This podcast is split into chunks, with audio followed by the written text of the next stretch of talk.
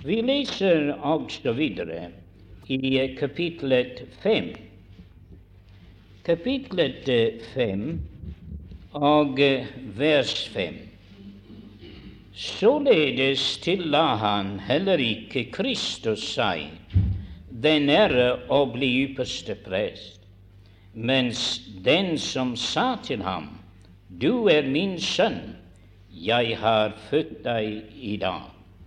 Like som han på et annet sted sier, Du er prest til evig tid efter Melkesediks vis. Og han har i sitt kjøtts dager med sterk skrig og tårer frembåret bønner og nødrop til ham som kunne frelse fra døden. Og han ble bønnhørt for sin Guds frykt. Og således lærte han, skjønt han var sønn, lydighet av det han led. Og da han var fullendt, ble han opphav til evig frelse for alle dem som lyder ham og ble av Gud kalt ypperste prest efter Melkesediks vis. Og dette har vi meget å si, som også er vanskelig å uttyde, utlegge, dersom I er blitt trege til å høre. For skjønt i eftertiden burde være lærere, trenger I attåtil at en lærer eder hva som er de første grunner i Guds ord, og er blitt sånne som trenger til melk, ikke fast føde. For den som får melk, er ukyndig i rettferdsord, og han er jo et barn. Men fast føde er for eh, voksne, for dem som ved bruken har sine sanser oppøvd til å skille mellom godt og ondt. Les nå i kapitlet syv, i uh, det syvende kapittelet. Og uh, vi leser fra vers 24. Men denne har en uforgjengelig prestedømme fordi han blir til evig tid, og derfor kan han også fullkommen frelse dem som kommer til Gud ved ham, da han alltid lever til å gå i forbønn for dem. For en sånn ypperste prest måtte vi ha, hellig, uskyldig ren, skilt fra syndere og opphøyet over himlene. Nå til slutt et par vers i det niende kapittel. Det niende kapittel og vers 27. Og like som det er menneskets lov, gang å dø, og derefter dom, således skal også Kristus efter å være ofret en gang for å borttage mange syndere annen gang, åpenbare seg uten synd til frelse for dem som venter på ham. Nå eh, må Herren rikelig velsigne for oss lesningen av sitt dyrebare ord.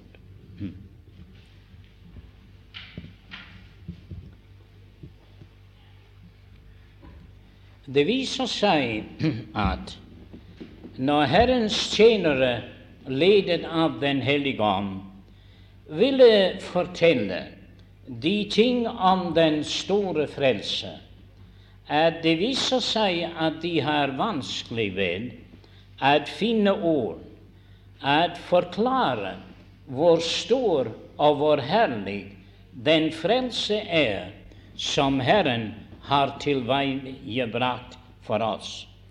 Og eh, derfor er det at eh, vi kommer til å tenke så uvilkårlig om den frelse og den frelses storhet. Vi hadde fremfor oss allerede i dag, der borte i Vedevåg, at Paulus han fant at det var nødvendig å bruke dette ordet 'overvettes', så at da han ville tale om den store frelse, han talte om overvettes rikdom. Han talte om overvettes herlighet. Han talte om overvettes kraft. Og han talte om overvettes glede. Disse ting uh, lader oss vite at frelsen var aldeles ubegrenset, en veldig stor og velsignet frelse. Og så er det at hver av de uh, som skriver, de skriver om denne frelse, men de skriver om det fra forskjellige standpunkt. Vi finner at da evangelistene, de fire, skrev om den Herre Jesus, de skrev fra forskjellige standpunkt. Den ene skrev om Jesus som konge, Matteus. Markus skrev om ham som tjener, og Lukas skrev om ham som menneskesønn medens vi finner at Johannes skriver om ham som Guds sønn. Det var han, alt dette som de skrev om. Og det er ingen uoverensstemmelse, og det er ingen motsigelse, men de måtte alle sammen skrive om ham på denne måten, fordi når de kommer til slutten av brevene, eh, disse evangeliene, så dør han som en konge. Så dør han som en tjener. Så dør han som menneskesønnen. Og så dør han som Guds innbårne sønn. Og det er dette som gjør evangeliet til det som det virkelig er. Hvem er emnet i vårt budskap?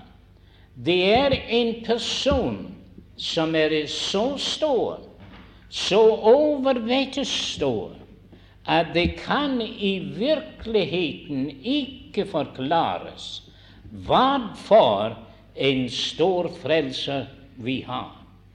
Og hvis du, min venn, forstår hva for en stor frelser du har, så ville du komme til å forstå hva for en stor frelse du har. Men om du ikke kjenner hvor stor din frelser er, så blir din frelse også så liten. Det var en som sa til meg, Adam, du taler som om at det var Gud det var vår frelse. Men det er Jesus det er vår frelse. Jeg sa min bibel forteller meg om Gud vår frelse. Ja. Således skrev Paulus til Timotius at det var Gud vår frelser. Og om din frelser ikke er Gud, så er den ikke verdt noe, mine venner fordi det er hvem han var, som i virkeligheten ga makt og kraft til hva han gjorde. Og så finner vi da at i hebreerbrevet, eller i brevene, hver av dem, Peter og Johannes og Paulus, de skriver om Kristus, og de skriver om den frelse fra forskjellige standpunkter. Men emnet om Kristus er uendelig. Den store hemmelighet som var skjult fra evige tider, men ble åpenbart da Guds sønn kom til denne verden. Og også dette som han gjorde, den er beskrevet på en herlig måte for å la oss se hvor rik, hvor stor, hvor herlig den frelser er, og hvor herlig den frelse er som vi har fått ved troen på ham. Og Derfor er det, da vi kommer til hebreerbrevet Det viser seg at det er en vanskelighet. Disse folk, de var jøder. De var hebreere. Du burde alltid lese adressen til brevene. Og det er et brev til hebreere. Nå, du og jeg, uten at vi har en forståelse av Det gamle testamentets eh, lover, da vil vi ikke forstå hebreerbrevet. Men hvis vi har lært oss å tenke som hebreere, så kan vi ha en bedre forståelse av det. For jødene, de hadde noe. De hadde den religion som i de gamle dager var anerkjent av Gud. Loven tilhørte dem. Prestedømmet tilhørte dem. Og ikke bare det, ofringer, det var deres. Ja, kongedømmet endog var deres. De hadde så meget som en nasjon. De var betroet så mange velsignelser. Men dog var det den gamle part. At Gud hadde egentlig noe bedre. Og den som tror at kristendom er en fortsettelse av jødedom, de tager veldig feil.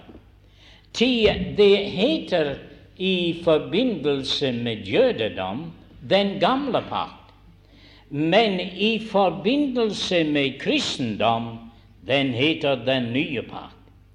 Og det er like så stor forskjell mellom lys og mørke som det er mellom disse to forskjellige pakter. Og jødedom er så meget ubetydelig når den er stillet sammen med kristendom. Vi leste i dag i Korintierbrevet at lovens herlighet, den hadde ingen herlighet. Da vi så på den overvettes herlighet, som er i Guds nåde og i Guds frelse.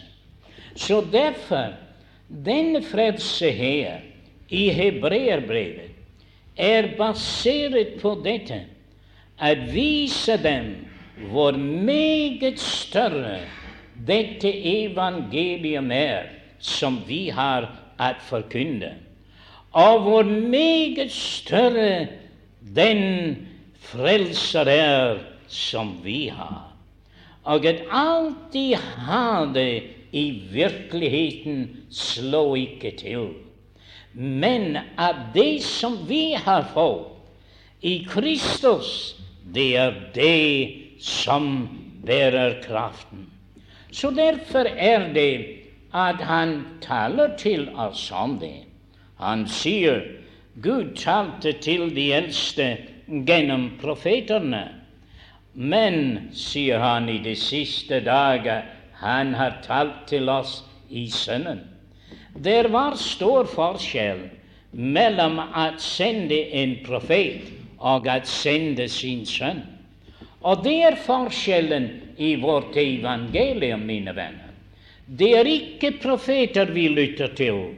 Nei, Gud sa fra himmelen, 'Denne er min sønn'.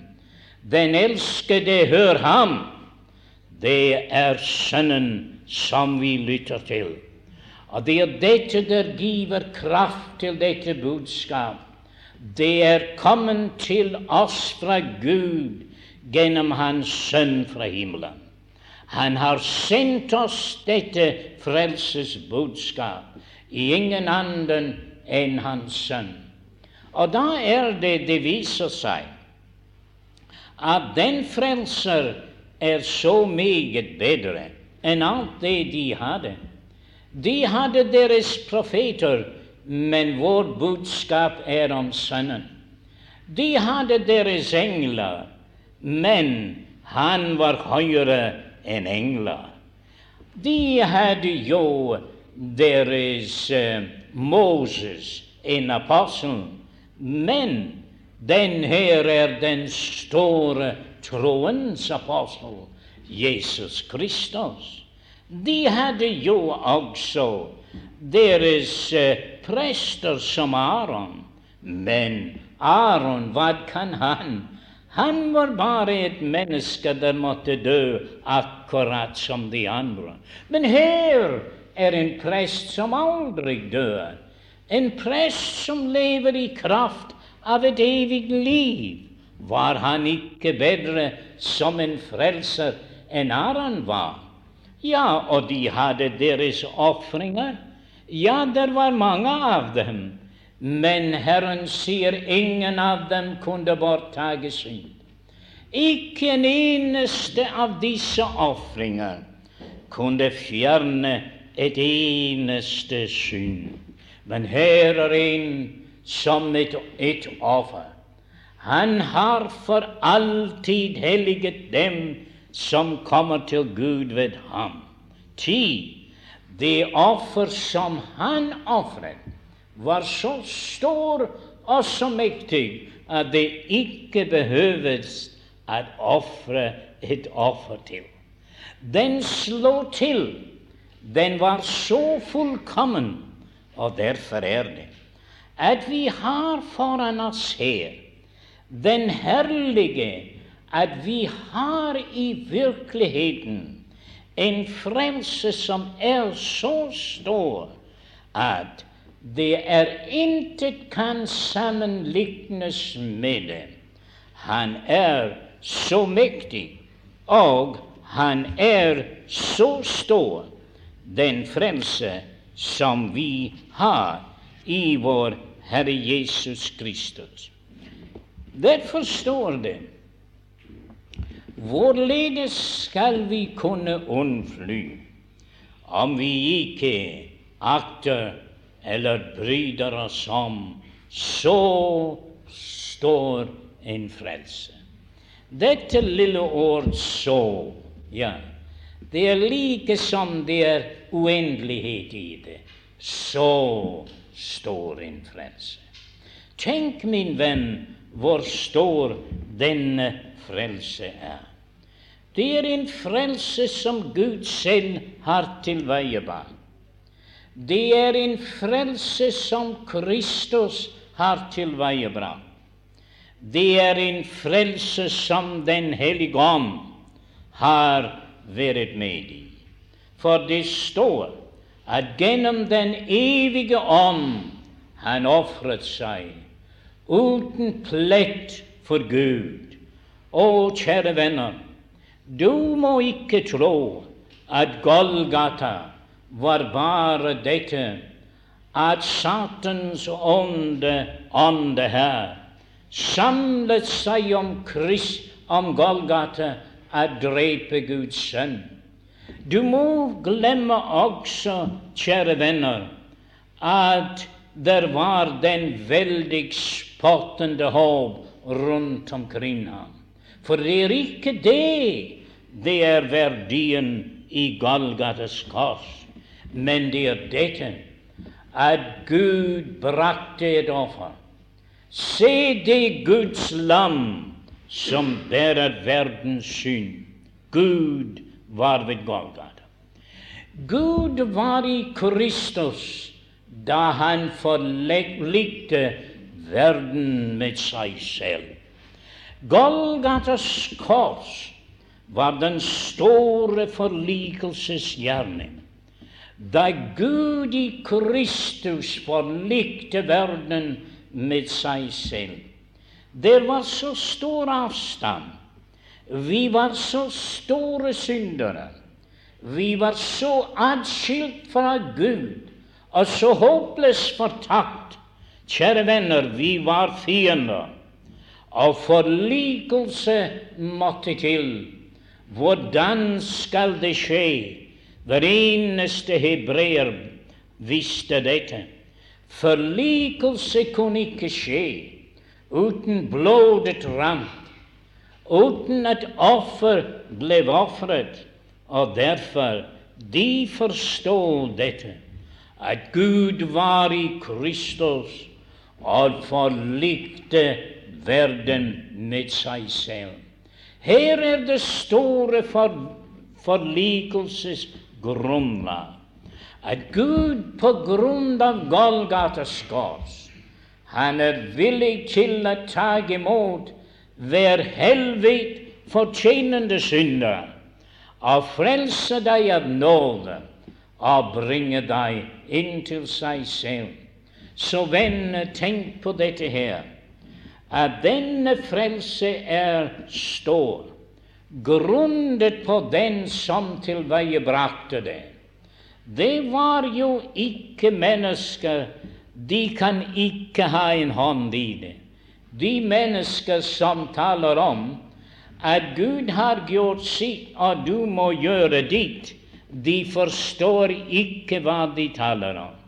For mitt evangelium, vårt evangelium, er at Gud har gjort alt, og det er intet for deg å gjøre.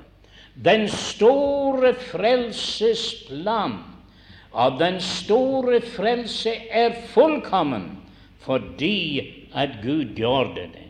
I de gamle dager da de offer og ved innvielse til tabernaklet de hadde ofret et offer der ikke skulle ha vært. De hadde brent det, og det skulle ikke ha vært brent. Se, der var feil i deres gudstjeneste. Men her var ingen feil. For Gud brakte dette lam. Og Jesus Kristus, han ofret seg selv gjennom den evige ånd. Han ofret seg uten plett til Gud. Og her er det største offer. Å, tenk, mine venner, om Golgates kors, at Gud gav sin sønn den innbårne. Han ofret ham opp for oss alle. Hvorledes skulle han annet enn givet oss alle ting. Gud som ikke sparede sin egen sønn, men ofret ham for oss alle. Så la oss forstå dette, at denne frelse er stor fordi at det er basert på at Gud selv, Han har gjort det. Og derfor må vi give akter på. Når den frelse er Guds frelse, når den frelse er tilveiebrakt av Ham, så kan du godt forstå at hvert menneske står meget ansvarlig overfor den store gjerning. Vi leser at i virkeligheten når mennesker forkaster dette evangelium, de tramper Guds sønn under fot. Og de regner blodet som helliger som noe urent. Det er en fryktelig ting at forkaste Golgates offer. For den der forkaster Golgates offer, er evig fordømt det er ingen frelse for dem. Du går ikke til helvete, min venn, fordi du er en synder. Intet menneske går der fordi han er en synder, men det er om synd fordi de ikke tror på meg. Helligånden overbeviser om dette, at menneskets store synd er at de forkaster Golgates offer at de tror ikke på meg. Og den som ikke vil tro på Guds sønn, det står Guds vrede bliver over ham. Det er intet håp for et menneske som vil forkaste det store Golgates offer. Jeg spørger deg i aften i Herrens navn. Har du akseptert dette offer? Har du sagt 'Jeg kommer, og Gud som jeg er'? Jeg har intet offer i min hånd. Jeg legger min hånd på Kristus. Han er mitt offer. Han døde for meg. Ah, det er frelsende tro, mine venner. Der legger hånd på Kristus og sier, her er jeg, fordømt og syndig, håpløs fortapt, men i Kristus alene er min frelse. Og kjære venner, alt går til side. Alt det andre vrages som mennesket bygger på. Ritualer og det ene og det andre. Det har intet å si. Det er Golgates gjerning og Golgates gjerning alene. Ikke er det frelse i noen annen. Det er intet annet navn under himmelen givet blant mennesker hvorved vi skal frelses. Det er i den Herre Jesus Kristus alene. Og det er ikke Kristus òg, men det er Kristus alene. Å, kjære venner, det er velsignet at bygge ditt håp for evighet på hva Gud har gjort på Golgata, og hva Gud har sagt i sitt ord. Jeg var et sted og talte. Jeg hadde ikke vært der før, og de var ikke sikre på hva slags predikant de hadde. Så eh, jeg kunne si fra noen av de eldre de var mitt, litt mistenkelige. Jeg sa dere er dem som hviler på bare én ting for deres frelse. Men jeg hviler på to ting. Og jeg sa de likesom begynte å bli nervøse. Jeg sa den første er jeg filer på Jesu Kristi fullbrakte verk, hva Han har gjort på Golgata. Ja, da så det litt lysere. Og, sier jeg, jeg hviler på hva Gud har sagt. Ja, da var de, da var de glad. For mine venner, dere det er godt å stå der på hva Kristus har gjort, og hva Gud har sagt. Han sier, 'Den som tror på Sønnen, han har evig liv'. Og du kan ha full visshet om denne frelse ved troen på Guds sønn. Og du kan være så sikker på himmelen, der hvor du sitter, som om du var allerede der. Til Kristi blod er det som likefrem frelser deg, og Guds ord, den giver deg visshet om din frelse. Så bygg da på dette grunnlag. La ingenting annet være noe for deg. Hvorledes skulle vi kunne unnfly om vi ikke bryter oss om så står en frelse? For den frelse er stor, fordi Gud selv har givet dette offer. Kristus selv har ofret seg gjennom den evige ånd. Og Gud forlikte verden ved seg selv i Jesus Kristus og det store offer. Vi leste i eh, det andre kapittel om at Kristus var vår frelseshøvding. Han er vår frelses høvding. Det er et veldig ord. Det hadde deres ledere den gang i Israel.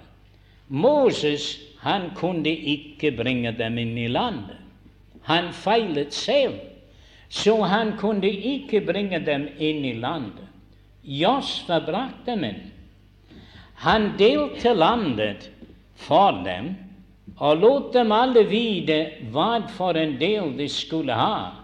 Men han kunne ikke tage landet i besittelse.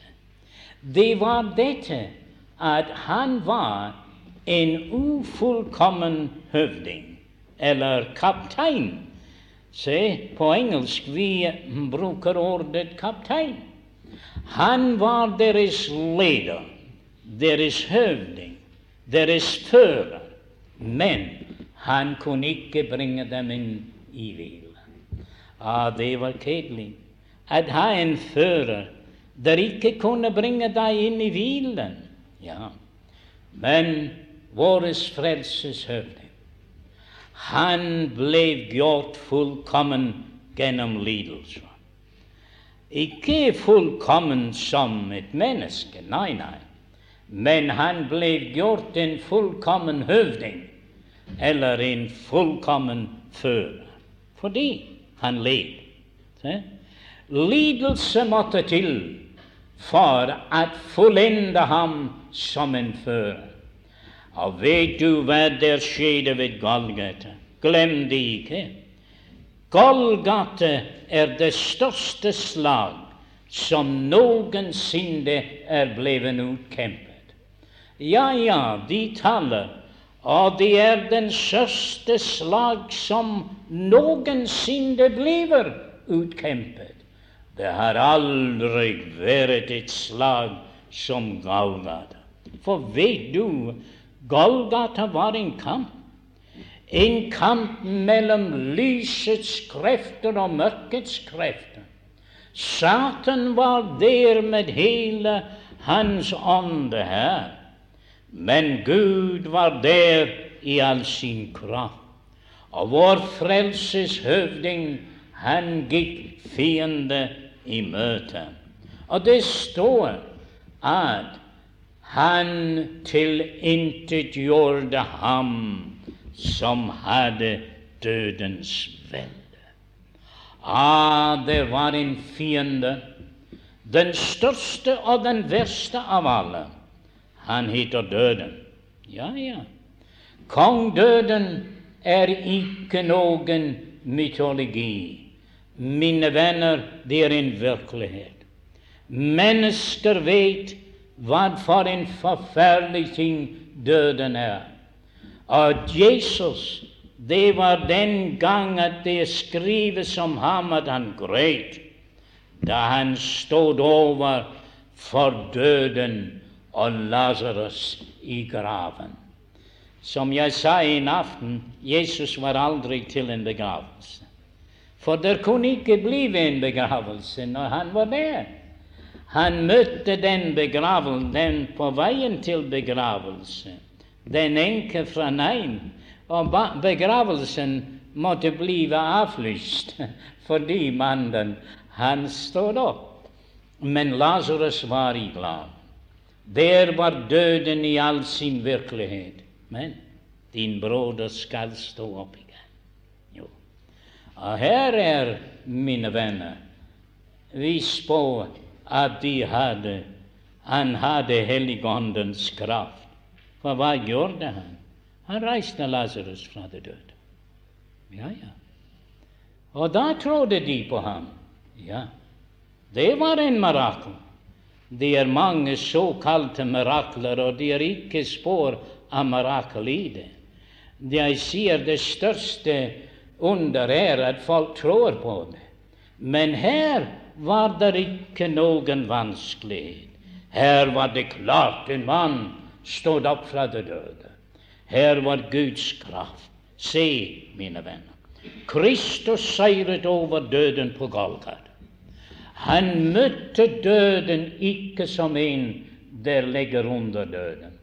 Og om det står han ble lydig inntil døden, du skal ikke misforstå det. Han var ikke døden lydig. Han var Faderen lydig og hans død var en lydighetshandling overfor sin Fader. Han døde frivillig. Jeg setter mitt liv til for fårene. Så kjære venner, Golgata var en seier. Han gikk inn der som vår store frelseshøvning, og han lagde vår store fiende ned, Satan. Og vet, det står han smakte døden for alle. Hva? Han smakte døden for alle. Og hvis du er et Guds barn, du skal aldri smake død. Du sier hva? Vi kommer vel å dø hvis Herren ikke kommer. Ja, men du skal ikke smake døden. Ti døden har ingen brodd for deg. Det sier da de står opp. Og grav, hvor er din seier? Og død, hvor er din brodd? Det kan ikke. Kristus seiret over døden og graven der på Golgates kors. Og derfor er det at vi er på den seirende side. Vi har en stor frelseshøvding. Å, kjære venn, du behøver ikke å være redd for noen eller for noen ting. For det er jo ikke bare at han seiret over mennesket og døden og graven og Satan. Men han seiret over hele den ånde her. Det står i Kalesenserbrevet at han stillet dem åpenlyst til skue idet han seirede over dem på korset. Du har en seirende frelseshøvding. Så derfor er det at din frelse er umåtelig stor fordi din frelser er helten fra Golgata. Han der seirede over alle fiender. Så når en sterk mann han vokter sin gods, så kan han holde dem trygt. Men når en sterkere enn han kommer, ja, da går det annerledes til. Men Jesus viste seg som den sterkeste, og han seiret på Golgates kors.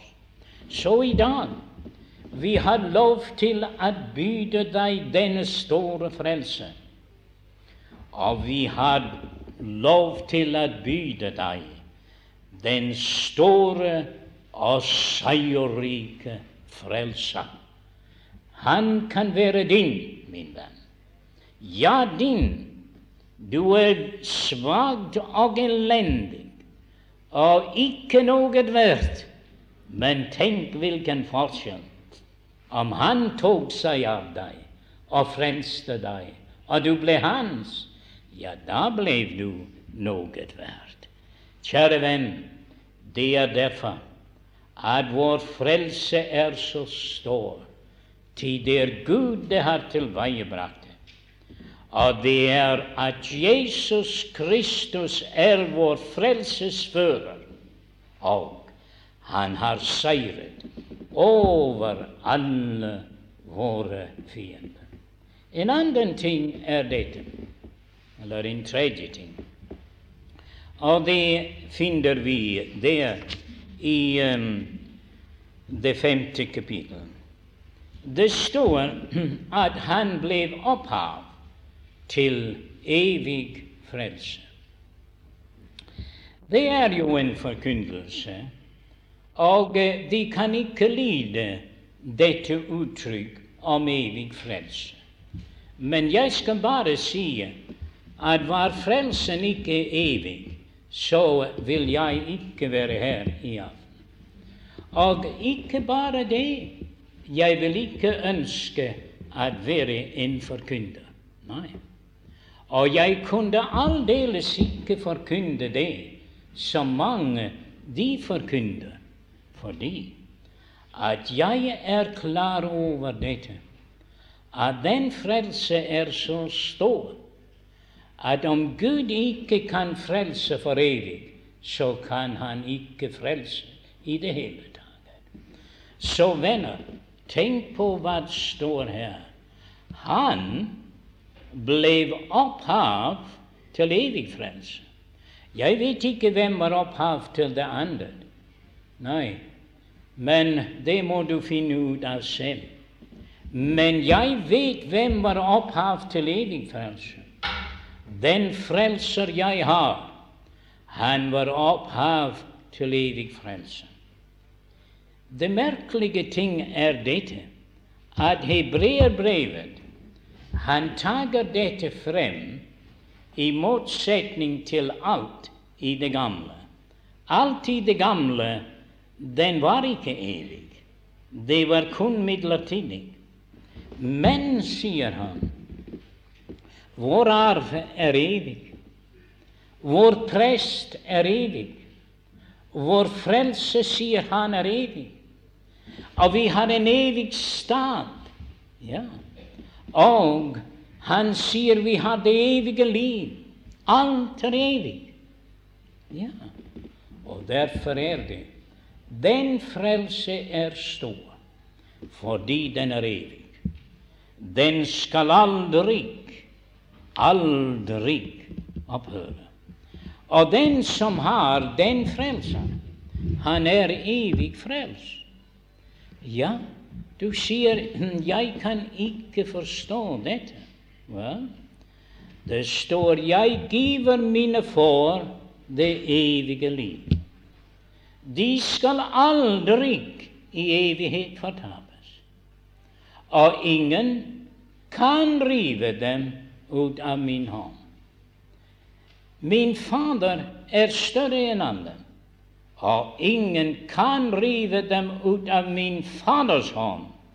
Jeg og Faderen, vi er ett. Jeg burde ha sagt ingen skal rive dem ut av min hånd. Det skal han si til. Men ingen skal rive dem ut av min hånd, og ingen kan rive dem ut av min Faders hånd. Jeg og Faderen er ett. Vet du, min venn, at Gud har ikke overlatt denne frelse til deg? Nei. Det er Gud, det er frelsen. Og det er så velsignet at når Han frelser, så frelser Han med en evig frelse. Hvordan er det så? Det er dette. De hadde en prest, nemlig Aron. Og Aron han måtte jo ofre år efter år. Men en skjønne dag han døde, så må de få seg en annen. Men den prest som vi har, han har intet med Arens prestedømme å gjøre. Det er ikke en fortsettelse av den aroniske prestedømme. Det er en helt annen prestedømme, og den heter Melkesediks prestedømme. Se? Og det er et uttrykk her. Jeg leste det. Du er prest til evig tid efter Melkesediks ett. Tenk på dette. Efter Melkesediks. Han var prest til evig tid, og det var Gud der sa det. Og han ble innsatt med ed, for Gud svor du er prest til evig tid efter Melkesediks vis. Kjære venn, det er herlig at ha en prest. Det stod angående den der hadde drept ham, uforvarende, at han kunne blive frelst ved å løpe til et tilfluktssted, og han kunne være der så lenge som presten levde. Men det var først når presten døde, at han kunne komme ut. Men kjære du, vi har taget vår tilflukt til den evige stad, og vi skal være der så lenge vår prest han lever. Nå, sier du. Og hvor lenge lever han? Du er prest til evig tid. Efter Melkesediks vis. Jeg har en prest som aldri dør. Har du den prest? Er han din prest? Ja, så kan du være takknemlig, min venn. Svak og elendig som du er. Vi har en prest efter Melkesediks vis. Der bærer oss på hans bryst, der bærer oss på hans skulder. Vi har en prest. Se, en prest, han var for å bevare dem på veien. Og det står at vi er elsket av Gud, og vi er bevaret for Jesus Kristus. Jeg har ikke mistet noen av dem som du har givet meg. Fortapelsens sønn, han er gått fortapt, men han var aldri annet enn fortapelsens sønn. Men kjære venner, han mister ikke noen av sine får han fører dem hjem, så du kan være trygg. Vi synger det også. Trygg i min frelsers arme. Men du tror det ikke, Nei. Men dem som tror på ham, er trygg i deres frelses arme. Det er ingen fordømmelse for dem som er i Kristus Jesus. Men ikke bare er det at han frelser med en evig frelse. Men det stod han kan fullkommen frelse. Han kan fullkommen frelse. Ah, det er noen andre. Det er ikke bare at han uh, trekker deg ut av vannet. Nei, men han gjør det hele. Og det er det jeg er glad for, at den frelse som jeg har, han gjør en fullkommen gjerning. Der var en mann kom opp til en Jeg tror det var modig. Og den her mannen var full. Han sier, 'Ja, jeg er en av dem som du frelste.' Ja, jeg kunne tenke meg det, sa han. Jeg kunne tenke meg det. Ja. Det var jo ganske klart det var modig dere hadde frelst ham. Men hadde Gud frelst ham, så ville han ha sett annerledes ut. Ja, det er så. Og det er masse av dette som går for å være Guds verk, men det er bare menneskeverk. Og det bringer spakt og vanære på Herrens navn. Men jeg skal love for, når Gud frelser en mann, ja, han frelser ham fullkommen. Han frelser ham fullkommen. Og kjære venn, legg deg i Frelserens hånd. Han vil frelse deg, og han vil frelse deg helt igjen. Jeg stod og talte med en mann på Færøyene, og eh, jeg sier, 'Hvorfor er du ikke frelst?' Han vil ikke si meg. Jeg sier, jeg vet hvorfor. Du ligger under den forferdelige last. Han kunne drikke seg full. Og sier jeg, du er redd for at om du tror på den Herre Jesus, at du ikke kunne holde det, og så ville du falle fra, og så ville det være til spott på Herrens navn. Han så på meg. Han sier, 'Adam, du vet, du vet det er sant.' Men, sier jeg, jeg skal fortelle deg, du kan aldri få kraft til å avlegge den last inntil du tror på den Herre Jesus Kristus. Og den, det øyeblikk du gjør det, så skal han ta seg av saken. Og da blir det annerledes. Han bøyet seg for Herren, mine venner. Og han lever ennå, og det er flere år siden. Og hvis han stod her, jeg ville være glad for å høre ham fortelle om Kristus. Se, det var dette. Gud tok seg av ham. Og mine venner, det er dette som er det store. Det står at han så det godsed i sin ake. Men de sier neste dag, men hør, det er ugress i akeren. Han sier en fjende har gjort det. Han så det det gode sett. Men det er en fjende der sår ugress.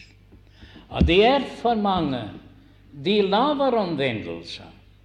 Og de kan ikke være predikanter uten at de laver og får bekjennelser om omvendelse. Jeg overlater gjerningen, mine venner. Se, jeg overlater det til Gud at frelse mennesker. Ja. Og hvis Gud frelser deg i aften, han vil fullkommen frelse dem der kommer til Gud ved ham. Han vil frelse deg hele veien hjem. Og han vil frelse deg inn i sitt evige rik. Kjære venn, den frelse vi har, er en fullkommen frelse. Det slutter ikke bare med dette, at vi har det her i denne verden. Men det er en frelse for din sjel. Men det er ikke bare frelse for din sjel. Det er et frelse for ditt legeme. Og det er herlig å vite dette, at et liv kan blive frelst. Jeg er glad for dette at jeg ble frelst som en dreng. Fordi det var ikke bare min sjel der ble frelst, men det var også mitt liv. Tenk å kunne få lov til å tilbringe alle disse år i Herrens samfunn, frelst av Hans nåde, så at mitt liv kunne brukes i Herrens tjeneste det var en veldig frelse. Og hvis det er noen unge her Ja, du er kanskje bare en pike, men du kan bli frelst.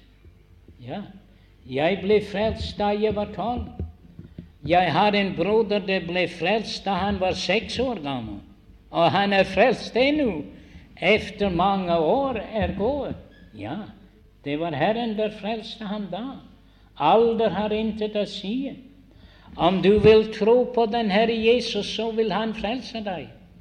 Om du er en gutt eller en pike, og du ønsker Herren å frelse deg, så la Han bare frelse deg.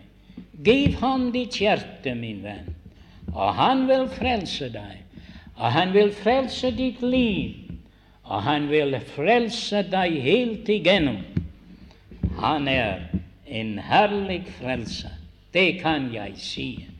Selv om jeg har levet 74 år i denne verden og var tolv år gammel da jeg ble frelst, jeg har erfart at Han er en herlig frelser. Han frelser hele veien hjem. Så, kjære venn, han vil frelse din sjel. Han vil frelse ditt liv. Men mer enn det. Du sier ja, men hva om den her gamle legeme jeg har? Ja, hva om det, min venn? Vet du at han har kjøpt deg legeme og sjel? Det står enten vi lever eller dør, så hører vi Herren til. Og du sier 'jeg trodde vi bare hørte ham til når vi lever'. Nei, du hører ham til også når du er død. Det forandrer ikke saken. Og vet du, Det er en herlig ting i denne frelse, og det er det han en dag skal frelse oss helt, som vi sier halleluja. Han skal frelse oss helt. Det skal han. Hvordan da? Han kommer ned fra herlighetens herlighet. Vår frelser, han kommer igjen. Og til dem der venter ham, skal han åpenbare seg annen gang. Du vet det er noen der leser inn i dette der, at om du ikke venter ham, så går du ikke med når han kommer. Men det er ikke meningen. Dette bildet er taget fra Det gamle testamentet. Da presten gikk inn for å ofre for folket, de stod utenfor, og de ventet. For han var gått inn med blodet, se, for deres synder. Og de ventet for å se om han var akseptert, så at da han kom ut, han kunne velsigne dem. De ventet ham. Og hvem var det de ventet? Det var alle. Hele Israel ventet. Alle dem for hvis synder blodet ble utgitt. Ja. Og således er de i dag. Alle Guds barn, de venter ham. De sier alle sammen i dag, ja, kom, Herre Jesus. De alle sammen venter at se deres frelse. Ty han døde for oss. Han gikk inn for oss, og han kommer for oss. Og han kommer for oss alle. Han kommer ikke til å ta dem som de sier er åndsdød. For jeg tror, ja, måske det er rett, for jeg tror hver eneste Guds barn er åndsdød. For det står i en ånd ble vi alle døpte inn i Kristi legeme. Så kjære venner, vi venter alle sammen for ham. Del ikke Guds barn på noen måte, til vi er alle i Kristi legeme som hører ham til, og alle er delaktige i den samme frelse, og du er like så kjær til Frelseren som noen annen er. Husk på dette. De ventet ham. Men hvorfor kommer han ut? Han kommer ut til å frelse.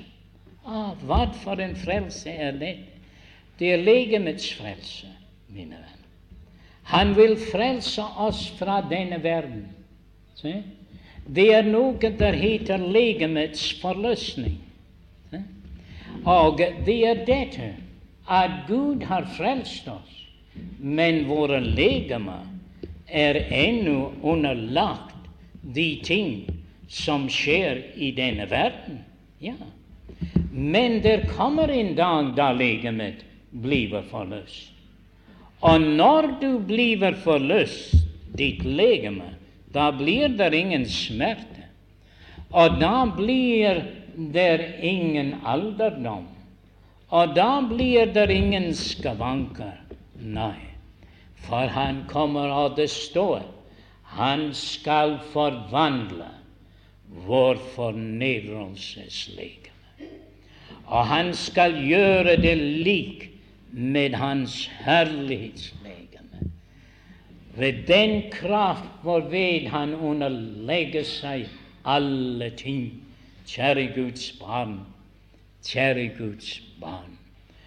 Den Herre Jesus Kristus kommer, og han kommer til frelse for alle sine kjære barn. De døde i Kristus skal oppstå, det levende de skal forvandles. I et nu, i et øyeblikk, blir vi bortrykket til himmelen, til herlighet, og vi skal alltid være med ham. Er det noen annen der kunne frelse på denne måten? Er det noen annen frelse som er så stor som den? Nei, kjære venner. Og derfor er det jeg har frimodighet at anbefale denne frelser Jesus Kristus som du, din store frelseshøvding, og som en fullkommen frelse. En der vil frelse deg for evighet, og lovet være Gud. En der vil frelse deg helt, legeme, sjel og ånd, inn i Hans herlige himmel. Og for en dag når de frelste, de samles inn til den evige, herlige hjem, frelst av Hans nåde. Ham være æren. Tie, de synger ikke en sang til noen annen enn til Ham som elsker oss og løster oss fra våre synder med sitt. Å, den store frelse! Har du taget imot den? Har du taget imot Ham? For det er det det gjelder om. Den som har Kristus, han har Frelseren. Den som har Kristus, han er frelst. Den som forkaster Kristus, han har ingen frelser. Og det står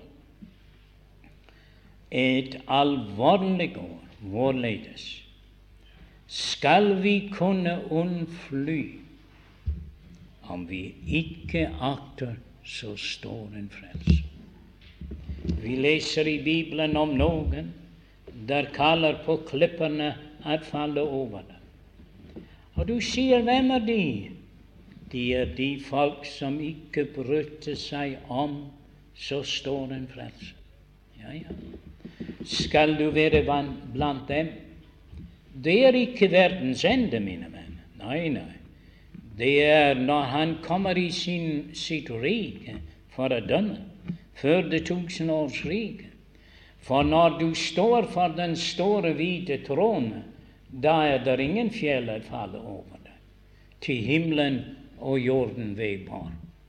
Men ved denne dom, som snart skal ramme vår verden, efter Guds menigheten er bortrykket, da skal de som ikke brøt seg om så stor en frelse, de skal rope på klippene at falle over dem. Hvorledes?